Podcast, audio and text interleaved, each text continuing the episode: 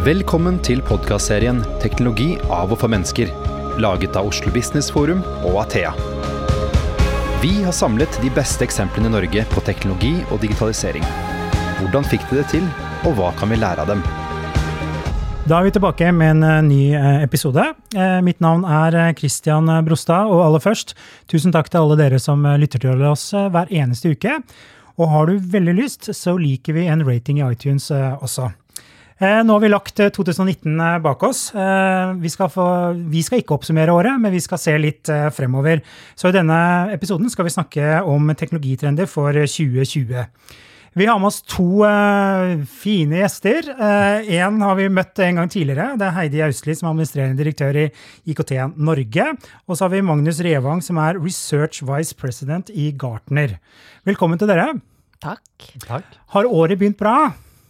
Altså, det er vi midt i ja, første måned. Ja, jeg elsker at det er et nytt tiår. Det er jo ikke bare et nytt år. Det er sant. Og så slo det meg plutselig at eh, for 20 år siden så tenkte vi at verden skulle gå under. Da skulle liksom alt stoppe opp. Fryseren skulle gå tom for strøm, og flyene skulle styrte og alt det der. Men det gikk fint, det òg. Så dette tiåret, det kommer til å gå veldig, veldig bra. Men de fleste bedrifter har jo hatt strategier frem til 2020.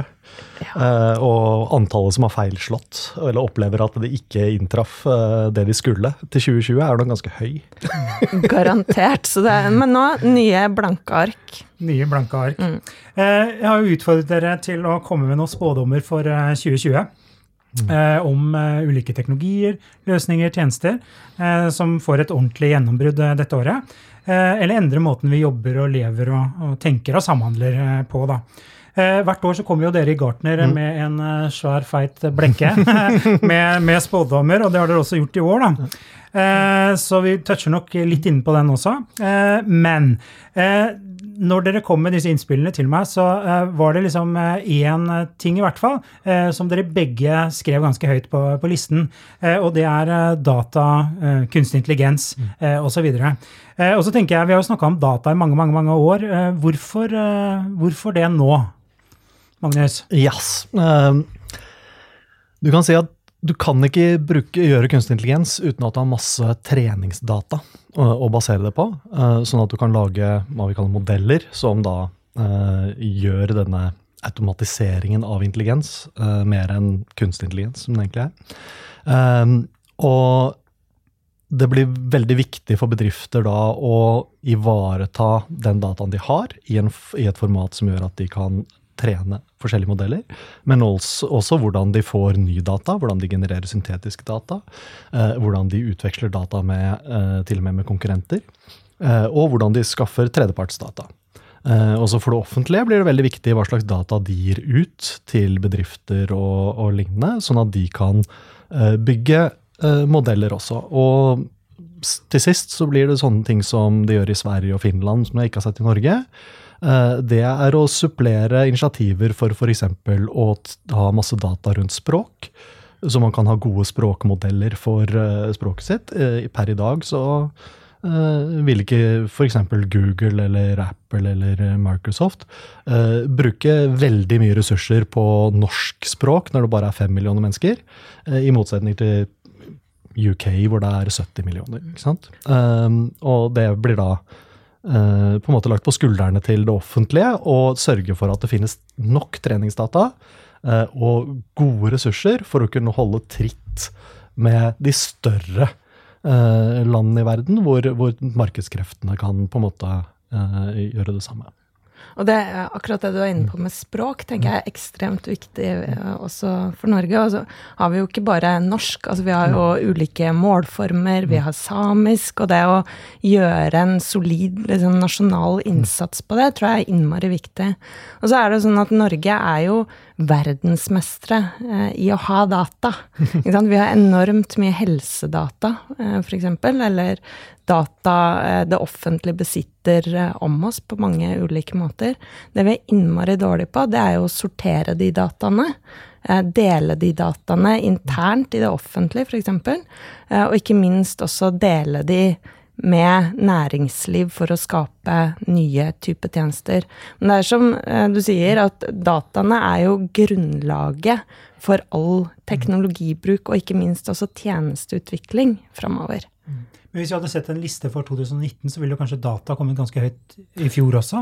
Hva, hva, er det et annet momentum nå, eller?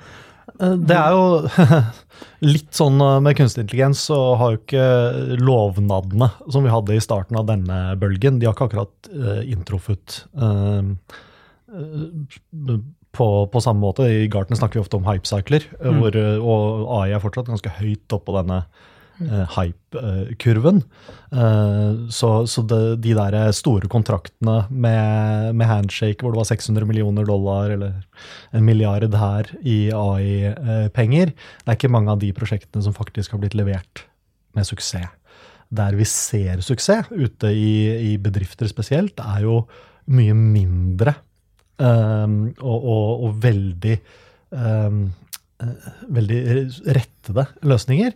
Eh, så når vi snakker med, med våre kunder i Gartner, da, så, eh, så, snakker vi ofte om at en IT-avdeling, selv i et lite norsk selskap, kanskje må forvalte og vedlikeholde 50-60 eh, AI-løsninger mm. om fem år. Og da er jo kunnskap om hvordan forvalte data og modeller og alt mulig, den, det er jo ting som er helt nytt for de aller fleste, uh, og vil bli en kjempeutfordring. Mm. Uh, og det er den realiteten som innhenter oss, da. Mm. Uh, som kanskje er forskjellen fra 2019 til 2020. Vi har fortsatt litt i skyene på, i 2019. I 2020 så begynner disse realitetene å bite oss litt i, i rumpa, kanskje. og det ser vi av tallene, hvor mange som holder på i sånn proof of concept og planleggingsstadiet mot hvor mange som går ut i produksjon.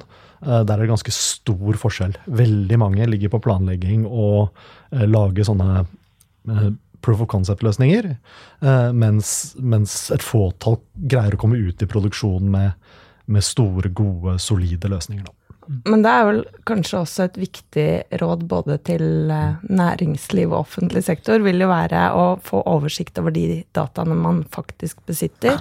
De man har behov for å få tak i.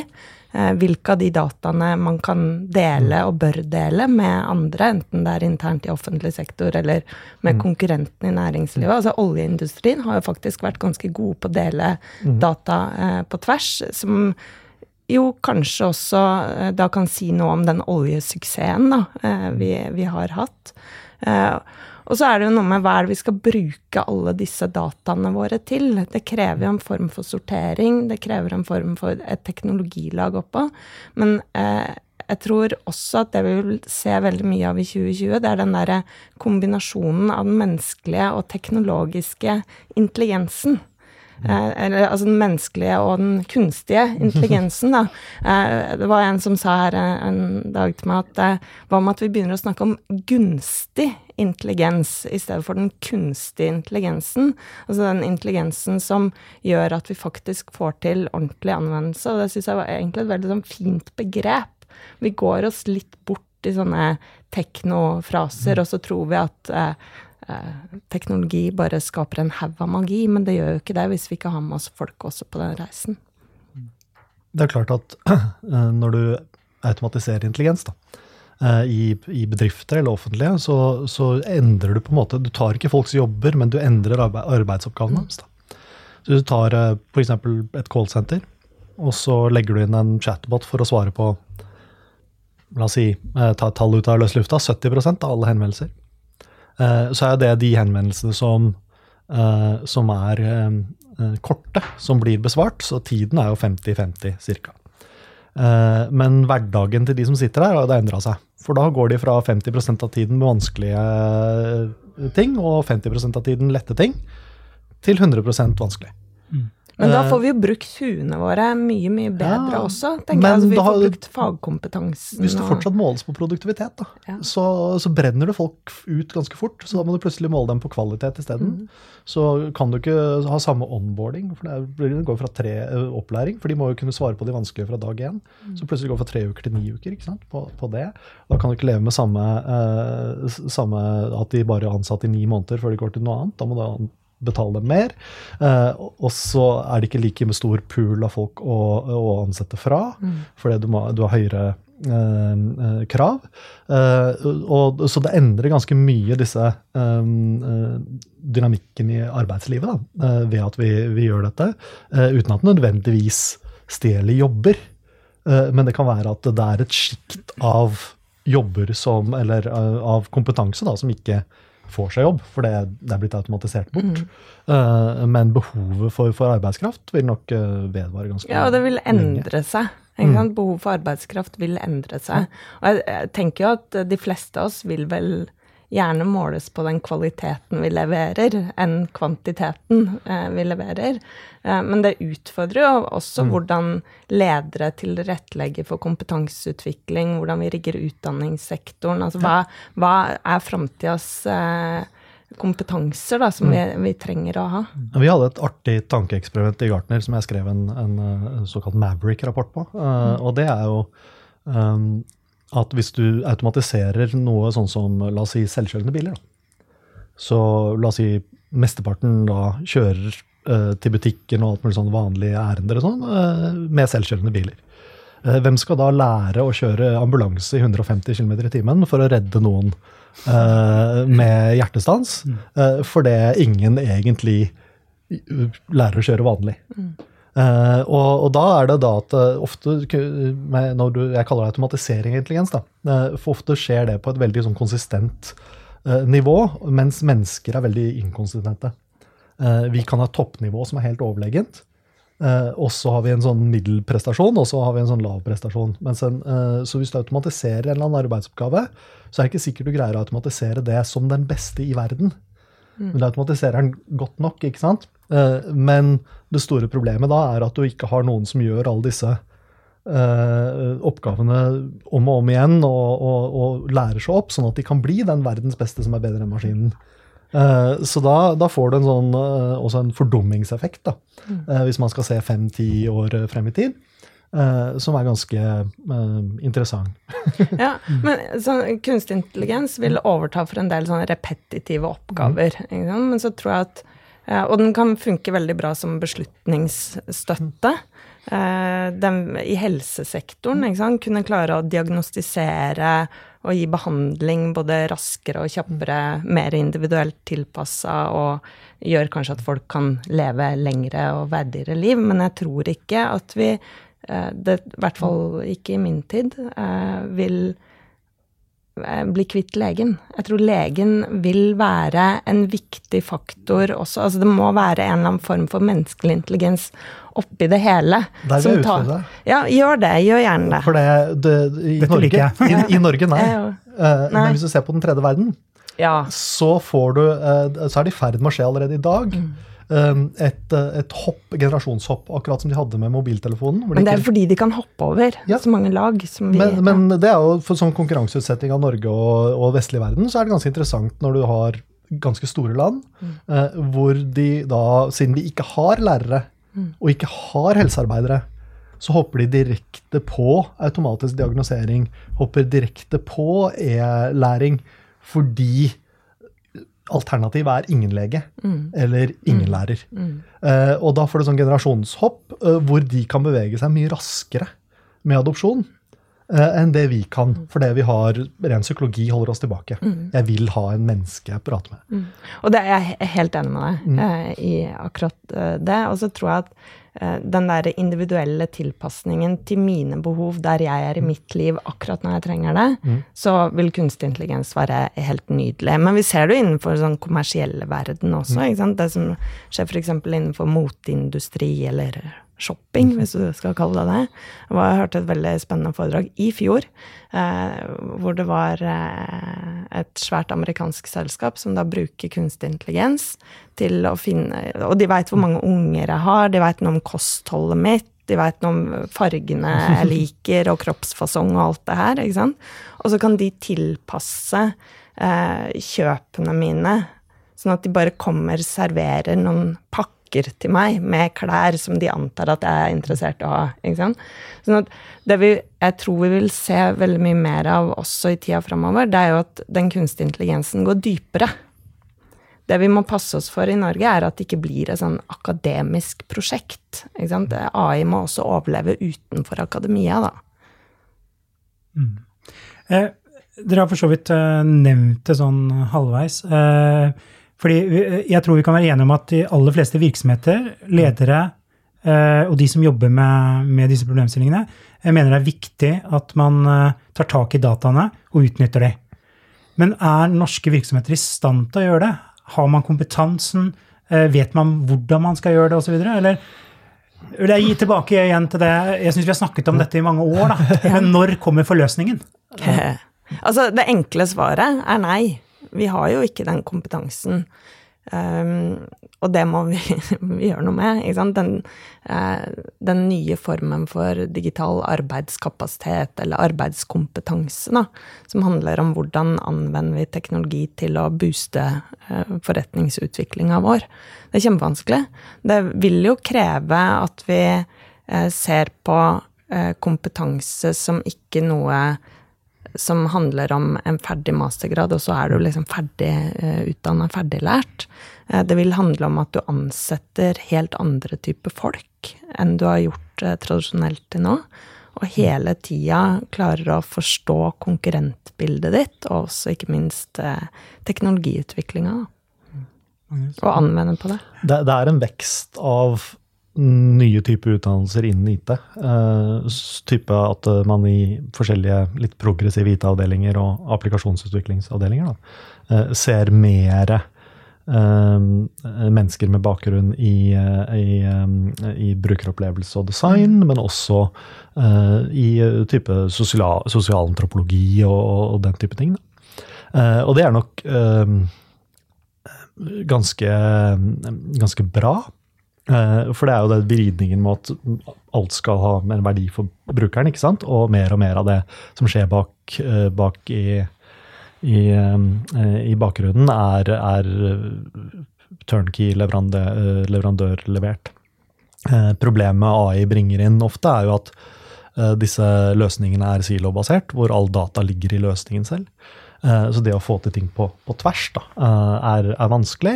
Eh, det andre er at du er avhengig av store leverandører som har mindre data enn det du har.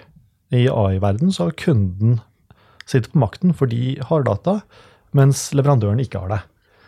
Så leverandøren lager løsninger for kunder uten å ha dataene fordi SLA og sånne type ting sier at de ikke har tilgang til dataene mm. som ligger i, løsningen.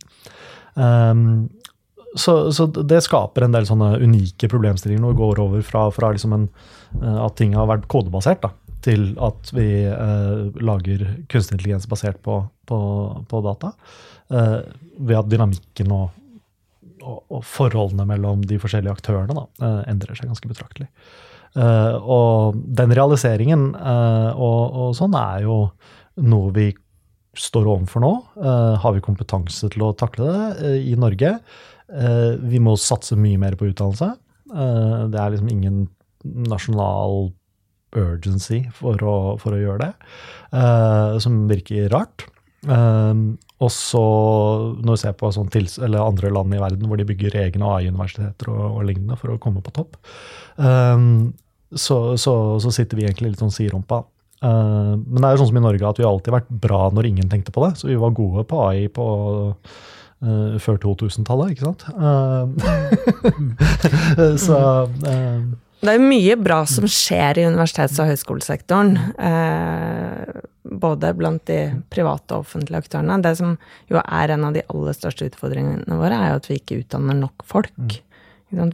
Har, eh, og det har både noe med hvordan studier finansieres, eh, men også hvordan vi har evna å satse nasjonalt da, på å ta et skikkelig, skikkelig løft. Så vi har jo en manko på IT-studieplasser i dag. Eh, Næringa skriker etter den type kompetanse. Og det gjør alle andre etter hvert også, så konkurransen blir så sterk, da. Mm. Og så er det jo en utfordring å gjøre de utdanningene vi har, relevante. Og det klarer vi ikke nødvendigvis eh, i dag. Og det vil kreve et helt annet eh, samarbeid mellom utdanning og næring. Det betyr også at vi er nødt til å se utafor Norges grenser. Det betyr at vi må alle de andre utdanningene som ikke er teknologiske, også må ha teknologi som et ganske sånn bærende element i det. I tillegg til mye annet, sant, som handler om kreativitet, som handler om eh, ja, verdiskapingstematikk, da. Mm. Magnus, hvis, hvis vi sammenligner Norge med resten av verden, så er det vel eh, Kina som eh, pumper inn enorme ressurser i dette? Overalt, egentlig. Ja. Uh, offentlig innkjøp av AI-løsninger i Australia er høyt. Uh, du har uh, I Abu Dhabi bygger de et eget universitet for AI. de større selskapene i verden outsourcer sånn Center of Excellence for AI i Egypt av alle steder. Mm. så det, over hele verden. Brasil, Canada, store land for AI. Um, så, så, det er litt sånn uh, spredd over. Uh, når vi ser på sånn startup-scenen, f.eks., på interessante ting som gjøres av startup-bedrifter, uh, så er det ganske morsomt å se at det ikke er så veldig USA-sentrisk. At det er ganske jevnt. det er Asia vi snakker om, da? nei. nei. interessante leverandører i Sør-Afrika ja. har en av de råeste Eh, virtuelle assistentprosjektet vi vet om, ble laget av en bank i Nigeria. ikke sant? Uh, også, så det er liksom uh, ting som skjer uh, over hele verden når det kommer til både kommer til AI spesielt. da. Noe av det er at veldig mye AI løsninger er språksentrerte. språk er veldig viktig for en god del av disse tingene man ønsker å automatisere. og kunnskapen om språken, eh, språk er lo lokal. Eh, det er ikke sånn at Microsoft kan, eh, kan, lage en løsning og så skalere globalt med den med en gang. Fordi de er, de er avgrenset av språk. Mm. ikke sant? Så, vokse, så de store leverandørene vokser mye tregere med løsningene sine når, med en gang du kommer inn i språk. Eh, det samme egentlig når det kommer til bildegjenkjenning. For det å kjenne igjen f.eks. hvis eh, du bruker en løsning fra Amazon for å kjenne igjen bilder, kjenne igjen et eh, bryllupsfoto i Japan, i Midtøsten, i India og i USA og i Norge, det er ganske forskjellig. Så, så det er også kulturelt og lokalt veldig mye. Uh, og det skaper uh, grobunn for veldig mye startups og veldig mye uh, selskaper som har en lokal forankring. Eh, som er konkurransedyktig. Mm. Eh, fordi de har bedre treningsdata på akkurat det domenet, akkurat mm. den spesialiseringen. Eh, og, og, og, kan um, utkonkurrere noen, et stort selskap som prøver å ha en mer generell, mye større scope på sin løsning. Men da ikke kan være så spesialisert mm. som disse. Og, og, det ser vi i AI-markedet i dag. At det er ganske, ganske spennende. Mm. Men en eh, sånn ekte AI-investeringsfond hadde vært bra om Norge mm. fikk på plass, tenker jeg. Eh, det, kommer det?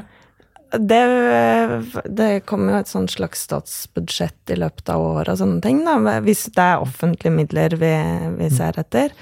Eh, det statsbudsjettet har jo ikke kommet ennå, men sånn som det ser ut nå, så er det jo ikke noe storstilt satsing på investering mhm. i AI. Det er det ikke. Det som er eh, bra, syns jeg, er at man får på plass noen sånne sandkasser for eh, uttesting eh, av AI-løsninger. Og det handler jo litt om lovverk. Er, vi har jo mange begrensninger fordi at vi har lovverk skapt for en annen tid. I tillegg så er det jo også sånn at GDPR f.eks. er en begrensning i forhold til å ta ut effekten da, mm. av, eh, av, AI. Så det at det nå kommer noen sånne sandkasse-testløsninger, da, eh, er kjempebra. Så en av de bedre uh, løsningene der er faktisk Singapore. Mm. Som driver innkjøp i det offentlige med et innovasjonsfond. Så uh, det de forskjellige digitaliseringsansvarlige uh, har der, er at de får godkjent noen store visjoner. Som er ganske, ganske vidtrekkende og ganske hårete visjoner. Og så får de en pengepott med den visjonen. Og så kan de bruke det til alt de kan argumentere for vil bringe oss nærmere den visjonen. Så de kan gjøre tester. Ut fra det fondet de da har, så kan de kjøpe inn ting. Så f.eks. i fengselsvesenet i Singapore kan de kjøpe inn um, en, en, kamerasystem som ser om uh, noen er på narkotika eller ikke, uh, på måten de går. For det bringer dem nærmere en visjon om et fengsel uten vakter. Uh, som, og, og, den type tenkning, hvor du har stor visjon, pengepott knyttet til det, og så kunne investere i selskaper som bringer deg nærmere. Eh, da, og det er en forfordeling av lokale selskaper i tillegg. Eh, det betyr at du da får reelle case. Og så får du sidet penger ut i startup-bedrifter og sånn um, mot reelle offentlige uh, caser, hvor de får utviklet det. Og det er en mye bedre måte enn prøve å finne ut om kommer det til å bli en suksess eller ikke, tror vi på dette eller ikke, og så gi bare penger og så ikke noe case de kan faktisk kan jobbe med. Jeg er enig, og, det, det, og da handler det om liksom, hva er det vi ønsker å oppnå? Mm. Hvor er det vi vil hen? Og det er det som generelt sett savner litt ja. i mye av den digitaliseringsdiskusjonene vi har mm. også. Sånn, ja, hvor skal vi, da?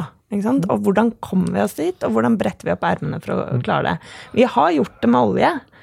Der har Vi investert, vi ante ikke hvordan det skulle gå, men vi investerte masse masse penger. Satsa på forskning og på utdanning og næringsutvikling, og så ga vi bånn gass. Alle sammen. Og så ble jo historien sånn som historien eh, er for oss, da. Ja, men der, der er du liksom Der hadde vi Det vi visste, var at vi hadde naturressursene, eh, så da mm. kunne vi bli gode. Eh, det er nok en liten sånn uh, I IT i Norge så har man nok en liten sånn uh, Vi er så små-tankegang.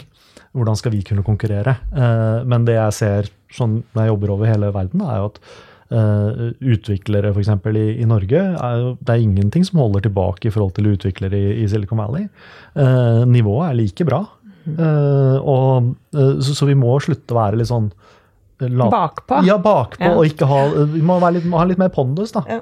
Uh, men det, det, er jo litt sånn, egentlig litt europeisk trekk også. Uh, jeg snakker jo ofte med, uh, med forskjellige leverandører rundt om i verden, og i, så finner du software-selskaper som oppstart, så finner du ut at de har 30-40 utviklere. så spør jeg liksom hvor mange salgspersoner har du? Salg? Nei, vi har ingen salgspersoner. Det er typisk i Europa. Går du til i USA. så Første analytikeren vår som, som besøkte salesforce.com tilbake, langt tilbake når de først starta opp, fant 15 eh, utviklere og 150 salgspersoner. Uh, for det, det, viktige var å selge og distribuere det, ikke sant? for da kunne de liksom generere. Uh, og det er forskjellen på USA og mm. Europa. Ofte i tankegang er at vi holder oss tilbake, vi må, den være perfekt før vi lanserer, etc., etc., mens, mens amerikanerne er mye mer happy-go-lucky vi kjører på. Og konsekvensen av det blir jo da at vi blir et land for bruk og ikke for utvikling. Og mm. det vi må gjøre framover, er å skaffe oss noen nye inntektsstrømmer, rett og slett, både som nasjon og mm Eh, som enkeltbedrifter. Og da, da, må vi tørre, da. Og jeg er litt bekymra for at vi eh, bare kommer i en sånn vi skal bare anvende eh, posisjon. Mm. Tida går, altså. Dette her burde vi hatt en hel påkast om. Så jeg tenker vi skal gå til det andre punktet som dere har spilt inn. Dere bruker litt forskjellige ord på det, men Heidi, du sier brukermakt, og du, Magnus, sier demokratisering. Mm. Og det høres ikke ut som det har noe med teknologi å gjøre, men det har, har kanskje det. Eh, start med deg, Magnus. Hva, hva, mener dere med demokratisering? Hvorfor er det en stor trend? Det er en stor trend innen, eh, innen kunstig intelligens også. Det er at de verktøyene og det var, man trengte spesialister til å gjøre, da, eh, blir mer og mer tilgjengelig for vanlige eh, folk å gjøre. Eh, og, og, det er jo en måte også å løse kompetanseproblemet på, ikke sant? ved å demokratisere tilgang til uh, forskjellige ting. Um, og vi snakker om demokratisering på mange forskjellige måter. En er demokratisering av disse verktøyene, sånn at uh, f.eks. Uh, kunstig intelligens-eksperter kan gjøres av vanlige utviklere. fordi de man demokratiserer eh, verktøyene på en måte. Det er også tilgang, sånn at man slipper å gå og be om en rapport for å få, uh, få noe. Så kan man snakke med uh, en, en, agent som da automatiserer rapportlaging basert på hva du ønsker, f.eks. Eh, som er demokratiseringa av kunnskap uh, innad i bedrifter. Uh, og disse, denne trenden er, er, helt klar, og det er en løsning på den kompetansemangelen. Uh, vil jo si at uh, det er en trend som har pågått en stund. Men det har vært litt sånn siderumpa i bedrifter fordi det, det, var en periode for la oss si syv-åtte år siden uh, hvor jeg hadde mer avansert utstyr på jobben enn hjemme. Mm. Og så plutselig gikk vi inn i en periode hvor faktisk jeg hadde mer avansert utstyr og i stand til å gjøre mer hjemme enn det jeg hadde på jobben. Uh, Jobblaptopen kunne jo ikke gjøre noen ting, mens uh, PC-en hjemme og høyttalere jeg kan prate til og alt mulig sånn. Uh, og nå er vi i ferd med å komme tilbake til hvor, hvor, vi igjen får mer avansert teknologi på jobb enn det vi har hjemme. ved at disse, disse tingene dras, dras, ut for at vi faktisk skal kunne gjøre jobben vår. Da. Så Det er en sånn, litt sånn spennende dynamikk som skjer. er vi flinke i Norge? Uh, vi er litt sånn uh, Heidi smiler. uh, litt automatiseringsangst, kanskje, i, i, Norge. Rart, fordi vi egentlig ikke burde ha det. Men det vi er, er jo at vi er et land hvor vi er veldig glad i å bruke teknologi. Mm. Men også et land hvor vi stiller stadig høyere krav. Og jeg tror jo at Eh, arbeidsgivere framover må please sine ansatte i større grad. At vi blir mer kresne og kravstore. Og vi blir latere. Eh, som gjør også at eh, de jeg er interessert å kjøpe tjenesten av, må tilfredsstille akkurat mitt individuelle behov akkurat når jeg trenger det. Og gjerne før jeg skjønner det sjøl også. Sånn at det gjør også noe med konkurransen i næringslivet. Eh, og ikke minst også i offentlig sektor. Altså hvis, jeg, eh, hvis den utviklingstakten f.eks. i utdanningssektoren eller helsesektoren fremdeles er så lav som den er eh, i dag, så vil jo jeg være villig til å putte pengene mine på helt andre aktører som kan gi meg et bedre tilbud, da, rett og slett. Så konkurransen vil ikke bare skje i næringslivet, men den vil også skje mellom offentlig og privat sektor. Og der tenker jeg at det er en liksom varsko for offentlig sektor også, på at man eh, må speede opp. Fordi at eh, ellers så kan det godt hende at den velferdsstaten som vi er så innmari glad i, går litt tapt, da. Nå er offentlig lider av en litt sånn sykdom at de skal gjøre alt riktig på første forsøk, da. Ja, men og, og kanskje skal vi ha en større aksept for å feile litt. Ja. Fordi at det, redselen for å feile mm. er så sterk at det også hemmer innovasjon, da. Ja. Jeg er helt enig i det. Det, det virker som om I Danmark, vet du, i mm. København kommune, beste eksempelet i verden. Altså, der innførte de altså tabbebonus for alle ansatte. Som handla om at du skulle, måtte gjøre noe skikkelig brølere. Men det fikk også folk til å være veldig innovative og kreative da, i hvordan de jobba. Nå har dere snakket mye om eh, demokratisering på arbeidsplass og tilgang, kompetanse osv. Men eh, når du snakker om brukermakt, eh, handler det også om kunden? Det, ja, i veldig stor mm. grad om kunden. Og det, så, sånn, du, må, du må please meg der jeg er i livet mitt. Mm. Og jeg vil være mye mer kritisk eh, fremover, og krevende. Jeg tror vi vil oppleve veldig mye mer krevende kunder. Sånn at de som klarer å treffe meg, og følelsene mine. For vi styres jo 95% av følelser og 5 av rasjonelle eh, tanker mm. i de valgene vi gjør. De vil også være de som vinner fremover, da. Mm. Kan ikke være uenig i det. Nei, Vi er sånne svære emosjonsbomber. Ja, ja for det, eh, eh, Du har jo snakket en del Heidi, tidligere om eh, møte med offentlig sektor, hvor det er sånn silobasert, og den ene høyrefoten kjenner ikke venstrefoten osv. Og, så og det er jo ikke særlig god brukeropplevelse. Det er veldig dårlig. Så, den, men den, nå har vi jo en mulighet, da, der vi startet i denne praten også, på det som handler om data, datadeling, for å skape bedre tjenester. Eh, med akkurat nå kunstig intelligens, kanskje framover noe helt annet. Mm. Det jeg også er litt opptatt av, er jo at vi eh, må klare å bygge en kompetanse sånn at vi ikke blindt bruker Ja. For vi kan bli litt sånn teknokåte eh, innimellom. Mm. Eh, jeg har et skrekkelig dårlig eksempel fra Austin, South by Southwest i fjor, hvor, hvor jeg ble tatt bilde av og, med bildeanalyse, da. Hvor jeg både ble kategorisert som uh, morder og kriminell osv. Og, så videre, og så tenkte jeg mye på det i etterkant, uh, og jeg prøvde tre. Basert på ansiktstrekkene dine? Yes. Jeg, litt sånn jetlagga sikkert og sånn, men, men likevel. Og så tenker jeg at hvis man anvender eh, kunstig intelligens, da, og i dette tilfellet bildeanalyse, helt blindt, uten å forstå kategoriene, uten å forstå hvordan det er skrudd sammen, og dette bildet da brukes av norsk barnevern så. Og så vet de i tillegg at jeg bor aleine med ungene mine, og at jeg bor i et område med noen sosiale utfordringer. Kommer de og henter ungene mine dagen etter da? Men eh, det, det, er jo eh, en kjent problemstilling i AI hvor det egentlig tar uh, data som har ganske sterk menneskelig bias mm. inni seg. Uh, I den, dette tilfellet hvor man driver og sånne forsøk hvor man leter etter kriminelle basert på ansiktstrekk, uh, så har man egentlig bare data på de kriminelle som ble tatt. Mm. Uh, ikke de kriminelle som slapp unna. Mm. Uh, så det du uh, egentlig tar, er jo vår evne til liksom han, Det er ofte man sier 'han ser suspekt ut'. Mm. Vi har disse biasene i oss, og det gjør at no, noen utseende har lett lettere hvis de begår lovbrudd, for å bli tatt. Jeg ligger veldig andre. dårlig an. Eh, men, men, men, poenget er at du, så, så trener du AI-en basert på det. Da mm. ikke sant? Eh, da tar du alle disse menneskelige fordommene, mm. eh, og så automatiserer du fordommer. Fordi man ikke er klar over at det ligger veldig sånn fordommer i datasettet. Mm. Og så begynner man å basere avgjørelser Eh, på det, og da har man egentlig gått full sirkel. Da. Og da er det den kombinasjonen mm. menneskelig intelligens og den kunstige intelligensen ja. som da heter gunstig intelligens. Ja, vi kaller det augmented Okay, because you're so international. okay.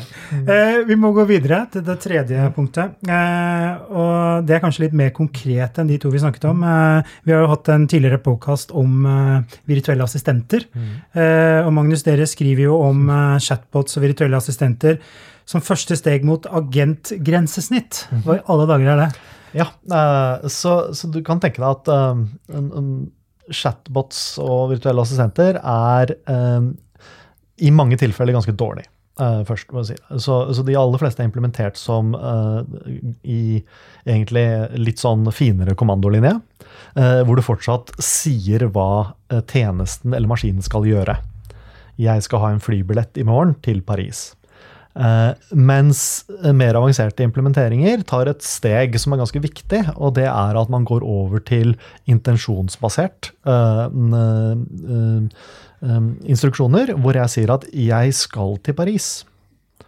og da snur systemet rundt og sier ja, ok, da kommer du til å trenge dette, og da, skal, da må du gjøre dette og dette, og da skal jeg hjelpe deg. Eh, og agentbaserte løsninger er da eh, det motsatte av operatørbaserte. Operatørbaserte så er jeg fullt ansvarlig. Jeg trykker på knapper. Jeg, mm. jeg bruker det som en hammer. Mens agentbasert grensesnitt er mer som en snekker. Jeg sier at jeg skal ha opp den lettveggen, og den forteller meg hva treng, den trenger for at den lettveggen skal komme opp. disse agentgrensesnittene er ikke nødvendigvis begrenset til eh, samtale. Eh, det er bare at samtale er det første, eh, første eh, stedet hvor vi ser en, eh, at det tas i bruk. Eh, men vi ser allerede nå at man tar, tar datavisualisering inn, og man begynner å bruke også mm. vanlig grensesnitt, men i en sånn agentform. og nå, for det vil ikke erstatte ting som Word og Excel og den type ting. Men det vil erstatte veldig mye av den interaksjonen vi har med businessprosesser. Uh, og den interaksjonen vi har med uh, ting uh, innad i selskaper. Da, og mm. som kunder av selskaper. og det er det som vi også ser med disse assistentene som Google Home og Amazon Alexa og den type ting, eh, er jo at de, de er ikke sånn utpreget uh, suksessrike, uh, annet enn sånn teknokåt uh, Men de er veldig morsomme, da. Opplegg. Ja, ja, det er det. Men, Mye morsomme svar. men du ser der at du, du ser noe av den, den, den fremtiden i det, for det, de er et agentgrensesnitt. De har masse tjenester bak seg. Eh, som de kan da uh, broke. Men de tjenestene bak er jo plutselig infrastruktur. Det er jo Google som bestemmer hvem som skal få, hvem, hvilken skill som skal få, mm. uh, uh, få, få instruksjonen, eller, eller, hva som skal gjøres. Uh, så den maktposisjonen da, for å kontrollere de få agentgrensesnittene vi kommer til å omgi oss med, nemlig i, i, hjemmet, i bilen og på arbeidsplassen, med tre steder, de som kontrollerer dem, er de eneste som lærer av brukeroppførselen alle som kobler seg til, de vil eh, bare være infrastruktur. Mm. Uh, så det blir veldig viktig for verdens største software-selskaper å eie brukeren, etter hvert som de begynner å realisere at det er liksom det store krigssonen for, for, de neste fem årene. eie den kundeflaten. Det blir færre og færre kundeflater idet vi kommer inn i en agentgrensesnitt tids, tidsåret. Vi trenger jo nesten ikke å tenke sjøl framover. Altså, sett at det var sånn at jeg satte meg i bilen, og så skulle jeg kjøre til et eller annet møte, og så plutselig tar bilen en helt annen retning fordi at den har sett på meg at jeg egentlig bør til sykehuset i stedet. Eller Dramatisk, det. ja, veldig dramatisk. Eller noe som jeg er veldig veldig dårlig på, er f.eks. å steke kjøtt. Det jeg ønsker meg Jeg er, veld, jeg er, veldig glad i kjøtt, veldig dårlig på å steke kjøtt. Men jeg kunne da ønske meg at hvis jeg liksom bare slang det der kjøttstykket på kjøkkenbenken, så bare poppa det opp en sånn oppskrift og greier. Det bare ordna seg sjæl. Sånn vil jeg ha det hjemme. Ja, Også det... noen som sorterer sokker og bretter klær og alt det der som jeg er veldig dårlig på. Nå avslører jeg mye på en gang her. Ja, ja, jeg er morderisk, veldig dårlig til å steke kjøtt og sortere sokker.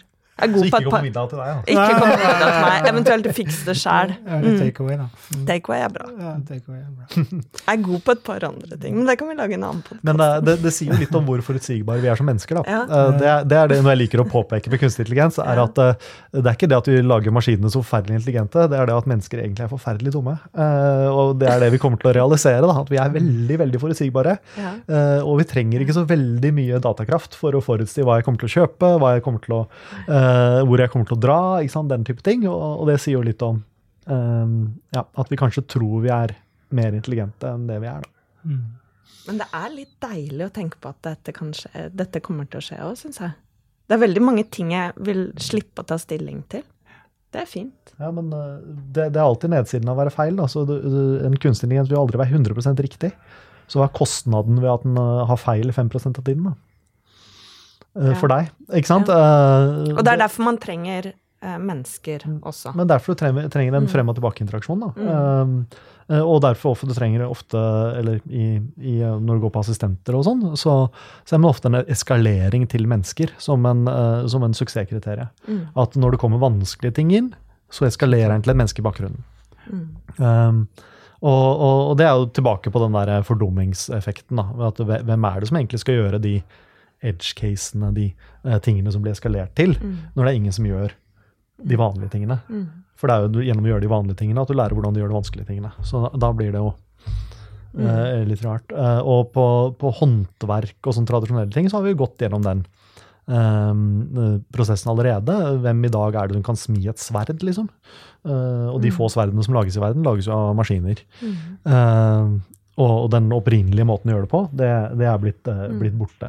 Uh, og så er det da spørsmålet om du kunne lage bedre sverd for hånd enn maskin. Mm. Ikke sant? Uh, I AI så kan du i mange tilfeller uh, løse ting bedre med i hvert fall flere mennesker involvert enn det nødvendigvis en maskin kan, men det er vesentlig mye dyrere. ikke sant? Mm. Men det er jo et sånn tidsskille vi står i nå også. Mange yrker kommer jo til å forsvinne. Mange yrker har forsvunnet allerede også. I, I, Japan så har de en sånn preservering av enkelte yrker som ikke trengs lenger. Men de ønsker å preservere kunnskapen om det. Mm. Så det offentlige ansetter mm. og betaler folk for å vedlikeholde og trene bort mm. kunnskap innen, uh, innen, yrker som ikke trengs lenger. Ja, og det er jo en måte å bevare den kunnskapen mm. på, er jo også da å, å lære maskinene. Mm, vi må jo også huske Ja. Men vi må jo huske også at det all teknologi er jo også menneskeskapt. Så det er jo vår evne til å lære maskinene de riktige tingene da, fremover. Du tar en enkelt eksempel da, med um, kunstig intelligens som ser etter diabetes på øyebilder. Da. Uh, og så Den gjør det mye bedre enn en lege kan. Uh, og da kunnskapen om å, å se diabetes i, i øyet Den kunnskapen blant mennesker da, kommer til å være ikke-eksisterende. ikke sant? Uh, og så er det jo den 1-2 som ikke blir detektert. Uh, ja. Nå, jeg leste her nylig også om sant, kunstig intelligens i forhold til brystkreft. Du har et kjempespennende prosjekt oppe på NTNU i Trondheim i forhold til bitte, bitte små babyer og cerebral parese. Hvor man kan oppdage det tidlig og sette inn tiltak tidlig. Så det er utrolig mye spennende som skjer. Eh, og vi må ikke være redd for det. Men vi må bare ha med oss huene våre. De litt dumme huene våre. Mm.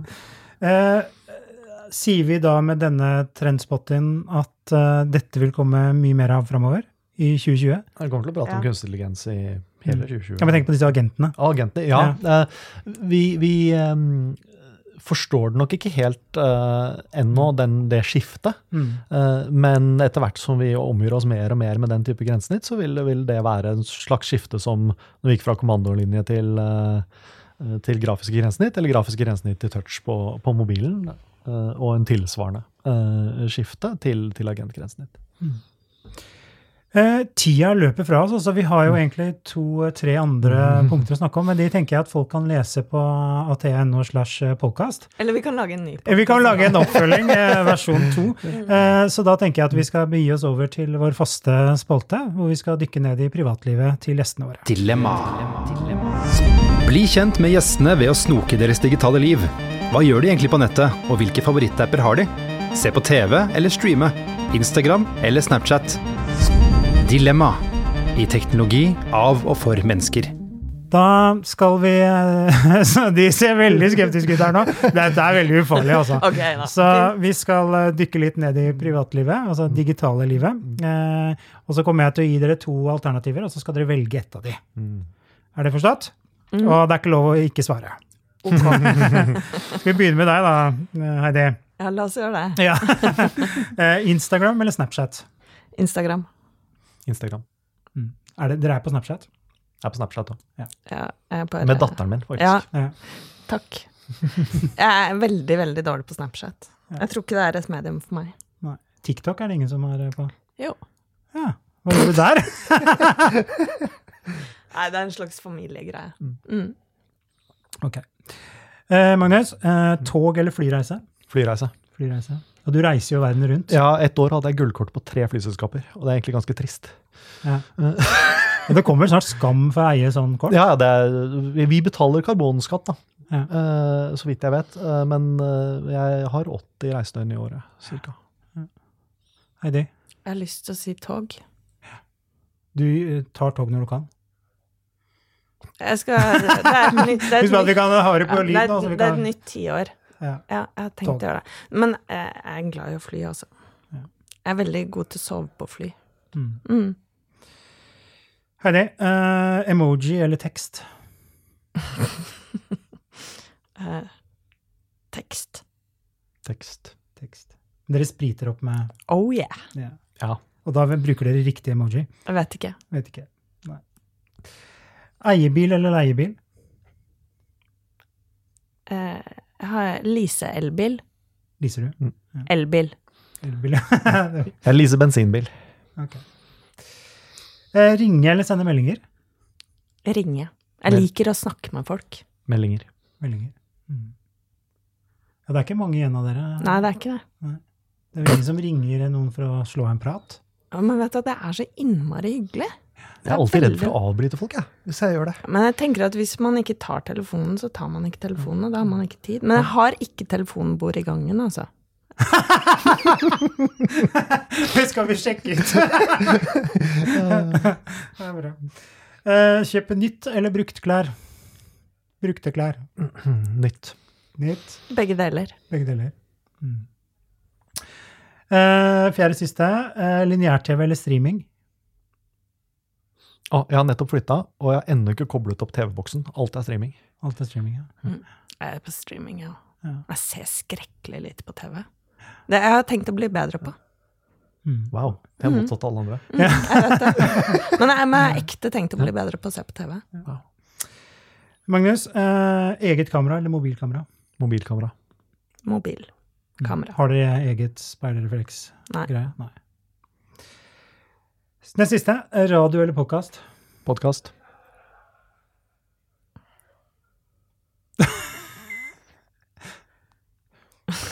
Er det radio, så er det bare å Ja, stå det er radio. Jeg er innmari glad i radio. Men det er mye av radioen som er i Det er det det er. Mm. så det er håp.